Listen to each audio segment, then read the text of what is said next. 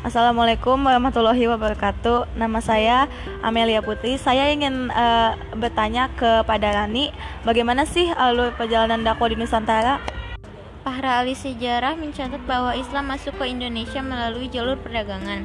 Ada beberapa teori tentang kedatangan Islam ke Indonesia.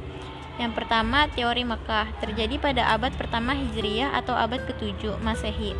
Para pedagang dari Timur Tengah memiliki misi dagang dan dakwah sekaligus Mekah dan Arab. Orang-orang Arab yang datang kebanyakan adalah keturunan Nabi Muhammad SAW yang menggunakan gelar Said atau Syarif di depan namanya.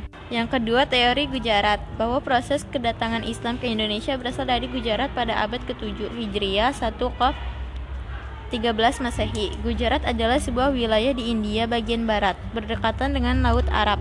Orang-orang bermazhab Syafi'i telah bermukim di Gujarat dan melabar sejak awal Hijriah. Yang menyebarkan Islam ke Indonesia adalah pedagang Gujarat yang telah memeluk Islam dan berdagang ke Nusantara. Dan dilanjutkan dengan Farah. 3. Teori Persia bahwa proses kedatangan Islam ke Indonesia berasal dari Persia atau Persi, sekarang Iran. Sebagai buktinya, ada kesamaan budaya dan tradisi. Di antara lain adalah tradisi 10 Muharram atau Ashura. 4. Teori Cina Kedatangan Islam khususnya di tanah Jawa berasal dari para pedagang Cina. Ajaran Islam sendiri telah sampai di Cina pada abad ke-7 Masehi. Sebagai bukti, raja Islam pertama di Jawa yakni Raden Patah merupakan keturunan Cina. Oh, jadi seperti itu ya. Lalu bagaimana cara-cara dakwah di Nusantara? Nama saya Putri Auliana Zara, ingin menjawab pertanyaan Amel yang kedua. Yang pertama, para dai dan mubalik menyebarkan Islam di Nusantara dengan beberapa cara berikut. Satu, perdagangan dilakukan oleh para pedagang muslim pada abad ke-7 sampai abad ke-16 Masehi. Para pedagang tersebut dari Arab, Persia, dan India. Para pedagang Muslim menggunakan kesempatan itu untuk berdakwah menyebarkan agama Islam.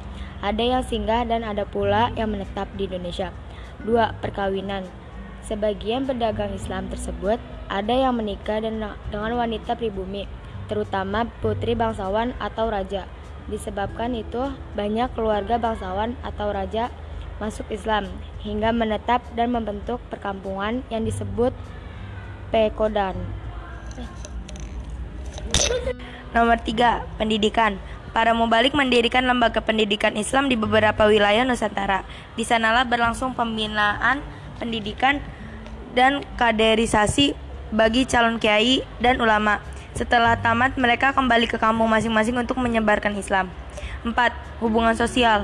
Para mubalik yang menyebarkan Islam di Nusantara pandai dalam menjalin hubungan sosial dengan masyarakat. Mereka juga aktif membaur dengan masyarakat melalui kegiatan-kegiatan sosial dengan tujuan menarik simpati agar masuk Islam. Kelima, ada kesenian.